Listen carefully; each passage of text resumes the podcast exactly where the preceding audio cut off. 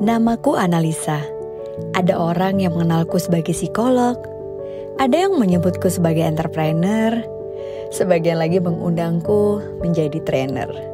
Lucunya, beberapa menyambaku sebagai konten kreator, youtuber, atau influencer. Banyak juga ya. Tapi inilah aku, Analisa. Dan inilah perjalanan hidupku.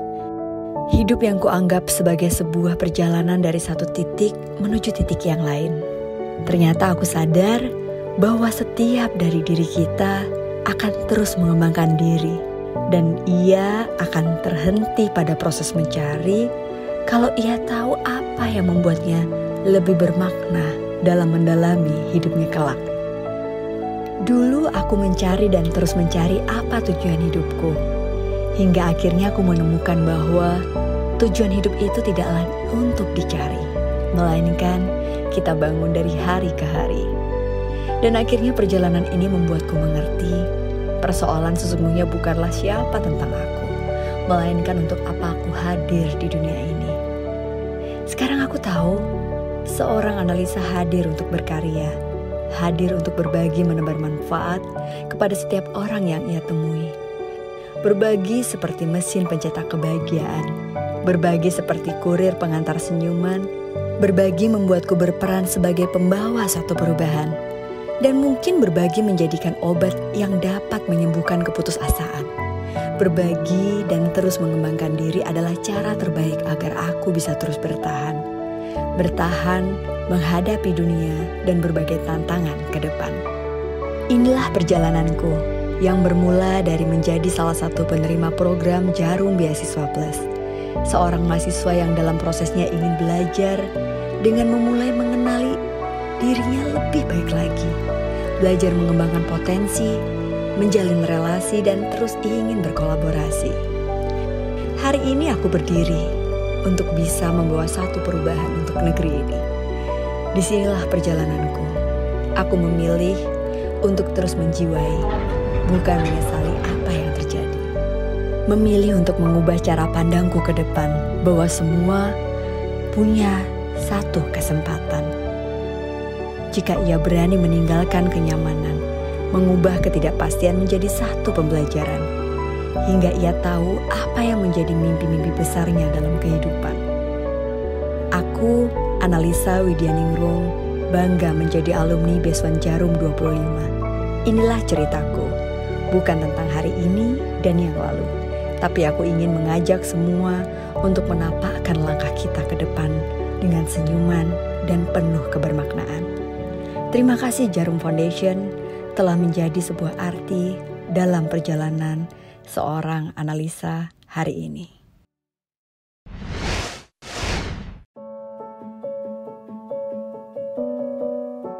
Passion passion itu udah pernah aku bahas sebenarnya di salah satu episode di Anasa Channel. Tapi makin ke sini aku makin ngerti sih.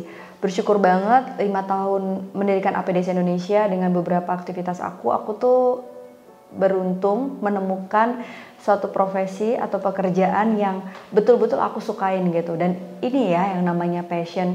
Dan ternyata passion itu nggak bisa berhenti untuk kita ketika menemukan passion and then kita bisa ngerjain sesuatu. Tapi passion itu adalah sebuah gairah yang terus tumbuh selama kita menjalankan aktivitas itu nggak pengen berhenti, waktunya ngalir terus, bahkan ada kayak ketagihan atau edik ke sana untuk untuk mau terus belajar. Jadi ketika passion itu bisa membuat kita melakukan yang namanya self improvement, itu enak banget. Dan aku ngerasa hari ini passion aku terus membuat aku melakukan improvement sampai akhirnya APDC membuat analisa bisa menjalankan profesi yang betul-betul dia suka atas passion dia. Passion dilakukan dengan tidak hanya dengan suka saja karena menurut aku passion itu harus terus diperjuangkan. Ada kalanya titik kita tuh bosen.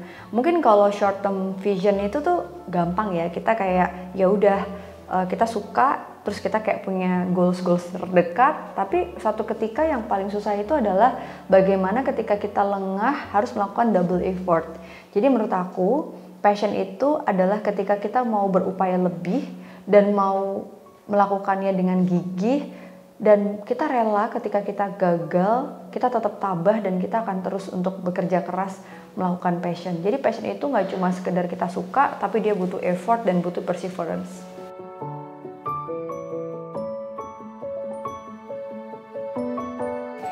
Menemukan passion itu sebenarnya aku nggak tahu kapan persisnya tapi yang jelas aku mau mulai karir sebagai seorang uh, trainer itu 2011 waktu itu aku baru lulus kuliah satu dan aku ingat banget prosesnya itu sangat tidak sengaja dan serba kebetulan. Karena sebenarnya analisa itu selalu mengambil setiap peluang dia nggak pernah bilang enggak pada setiap kesempatan.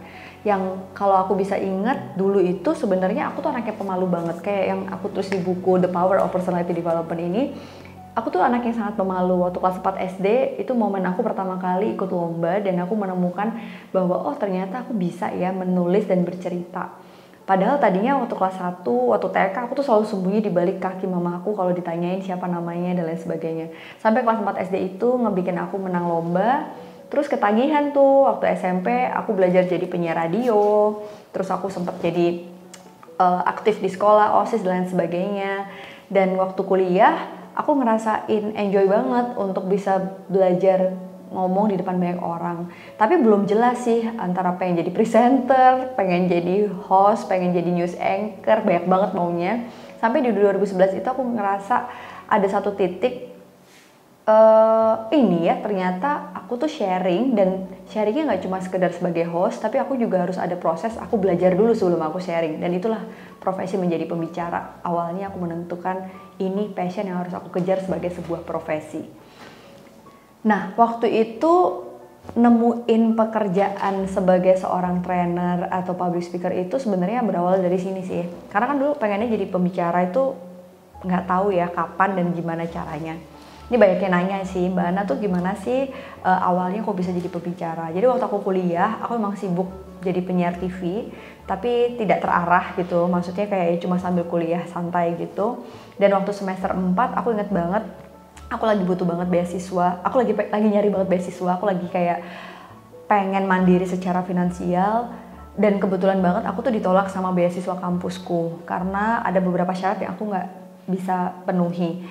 Tiba-tiba ada beasiswa yang menghar tidak mengharuskan persyaratan yang sulit itu gitu jadi kan harus pakai surat keterangan tidak mampu. Nah bukan apa-apa sih, bukan yang ngerasa sok tajir juga karena waktu itu aku juga butuh duit sebenarnya. Tapi surat keterangan itu tuh ribet banget ngurusnya di kelurahan lah segala macam. Nah, beasiswa yang aku ikutin tuh beasiswa yang nggak mengharuskan mengumpulkan syarat itu. Itu dari Jarum Beasiswa Plus. Nah, Beasiswa Jarum ini tuh kayak aduh keren banget ya kalau udah jadi bagian dari Beasiswa Jarum kalau aku lihat alumni-alumni Beasiswa Jarum. Tapi kayak nothing tulus aja aku daftar sampai akhirnya inget saking pengennya aku keterima itu tuh kayak aku tuh grogi banget waktu tes uh, besuan jarum eh, nggak uh, boleh gambar pohon beringin. Jadi aku tahu banget tes grafis tuh aku lagi ambil psikologi uh, grafis. Aku gambar pohon beringin dan aku kayak ngerasa oke okay, aku salah nih aku tesnya gagal aku nggak keterima. Tapi ya Allah alhamdulillah banget ternyata justru setelah pengumuman karena itu hanya satu bagian dari tes kecil ternyata yang diumumin menjadi salah satu satu-satunya yang lolos menjadi besuan jarum di Fakultas Psikologi se-Jogja Jawa Tengah itu cuma aku doang gitu. Nah bersyukurnya ketika keterima jadi besuan jarum satu tahun aku dapat bantuan support untuk bayar kuliah. Aku juga dapat pengembangan diri nih, pengembangan diri, pengembangan kepribadian gitu. Nah, soft skill soft skill yang dulu aku dapetin salah satunya adalah public speaking. Nah, dari situlah sebenarnya aku ngerasa kayak ih seru juga ya kalau aku mendalami soft skill ini karena ini nyangkut banget sama psikologi dan public uh, speaking. Dari situ sih sebenarnya kerasa punya pengalaman yang cukup berarti untuk aku hari ini sampai akhirnya aku lulus kuliah. Aku dapat beasiswa S2 itu juga alhamdulillah banget bukan karena aku jadi orang yang paling pinter tapi karena aku itu inget banget aku ngejar pengen cepet lulus jadi kalau aku inget kata salah satu psikolog yang aku baca di buku Grit you don't have to be the smartest person in the class but you have to be the most hard worker. Jadi kita tuh harus jadi orang yang paling pekerja keras gitu. Dan waktu aku kerja keras itu adalah aku memulai skripsi lebih cepat daripada teman-teman aku. Bayangin itu hari yudisium terakhir kalau aku lulusnya itu tuh bukan di hari itu aku akan wisuda Februari Februari itu lewat jadi aku harus wisuda Mei. Dan kalau wisuda Mei banyak orang yang wisuda Mei dan banyak teman-teman aku yang nilainya bagus. Jadi waktu wisuda Februari cuma lima orang yang lulus dan alhamdulillah banget aku menjadi satu-satunya penerima uh, yang cum dan bisa dapat beasiswa dari fakultasku sendiri gitu. Akhirnya S2 gratis. Nah, di saat S2 itu aku punya pengalaman yang menghantarkan aku sampai akhirnya jadi pembicara. Ups and downs itu banyak, banyak banget. Jadi waktu itu inget pertama kali aku berani jadi public speaker yaitu nggak cuma MC atau host atau presenter. Jadi waktu aku sambil kuliah pertengahan S2, aku selalu ngambil kesempatan dan waktu itu aku dapat kepercayaan buat jadi moderator di salah satu event yang diadain sama fakultas tetangga ekonomika dan bisnis. Nah ternyata sponsornya itu adalah alma mater Besuan Jarum. Ya udah aku bantu dong sebagai alumni Besuan.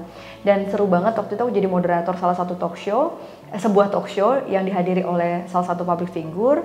Nah waktu aku habis jadi moderator, aku duduk deh di kursi belakang gitu kan. Terus tiba-tiba ada seorang bapak-bapak yang itu tuh ternyata adalah Bapak Beswan. Jadi waktu aku masih jadi Beswan, beliau belum belum sebagai mentor di Beswan itu, beliau sebagai uh, program director Pak Primadi Serat. Aku ingat banget pertemuan pertama dengan beliau, itu tuh beliau langsung ngeluarin kartu nama dan langsung kenalan. Beliau ngobrol, ngajak ngobrol A sampai Z gitu, terus kayak tiba-tiba kamu mau nggak jadi trainer, random banget dan aku selalu bilang nggak pernah bilang enggak setiap ada kesempatan. Aku bilang iya Pak, saya mau belajar.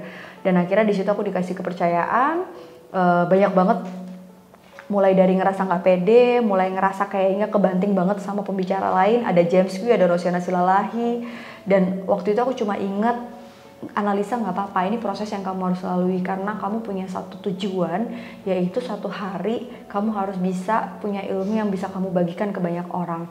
Dan kalaupun hari ini kamu belum bisa tampil dengan baik sebagai pembicara apalagi di sebelahnya James Gui sama Rosiana Silalahi at least kamu sudah berjuang keras untuk bisa ngebuktiin bahwa kamu tuh melakukan namanya self improvement dan waktu itu sampai aku jadi pembicara di Jarum Beswan atau Beswan Jarum keliling Indonesia kurang lebih hampir setahun dan ternyata itu yang bikin aku oh ya ya ini ya ternyata aku menikmati proses menjadi seorang trainer atau pembicara.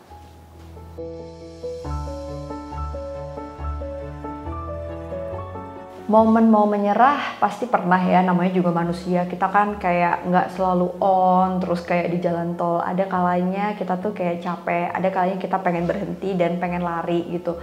Tapi aku berpikir ini nih makanya nggak hanya butuh sekedar passion kita butuh yang namanya kerja keras dan kegigihan serta konsistensi untuk mencapai mimpi jangka panjang. Ternyata yang bikin aku berhenti pengen berhenti itu adalah satu dulu waktu seorang analisa selalu mengambil semua kesempatan sampai akhirnya dia tidak mengukur kapasitas dirinya. Itu pelajaran yang sangat berarti. Jadi uh, poin plusnya adalah improvement dalam diri aku berarti aku harus bisa mengukur kapasitas untuk bisa mengambil kesempatan yang ada di depan. Nah waktu itu telak banget aku jadi pembicara di salah satu event. Itu bayangin BUMN terbesar di Indonesia. Aku kayak mau nggak gantiin salah satu pembicara yang itu adalah doktor. Jadi waktu itu senior aku dosen aku. Terus aku bilang mau bu saya mau jadi uh, pembicara pengganti ibu. Ternyata waktu aku lagi ngomong aku beneran dikat di tengah jalan sama salah satu peserta yang nggak tahu dia mungkin punya jabatan. Dia bilang eh ngapain tuh anak kemarin sore ngajarin kita? Gitu. Aku langsung kayak pengen kesamber petir gitu kan. Tapi aku cuma ingat uh, kita nggak bisa mengendalikan stimulus di depan kita.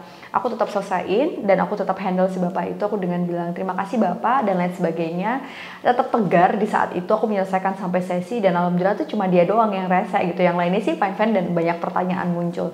Tapi inilah ujian gitu. Sampai akhirnya aku ke kamar mandi, aku sempat nangis. Aku sempat kayak meratapi, bukan nangis karena uh, disuruh turun dari sesi itu, tapi aku nangis karena aku melakukan satu kesalahan atau tidak tuh aku nggak tahu gitu. Tapi pulang dari situ aku belajar oh berarti analisa kamu harus belajar lagi. Kamu harus uh, selesaiin S2 kamu. Karena tau gak sih waktu itu aku belum selesai S2 dan aku berani ngambil kesempatan itu. Terus kayak kamu harus punya pendidikan setinggi mungkin. Kamu nggak boleh berhenti belajar dan kamu harus lebih bisa mengukur kapasitas diri kamu sama kesempatan. Itu poinnya.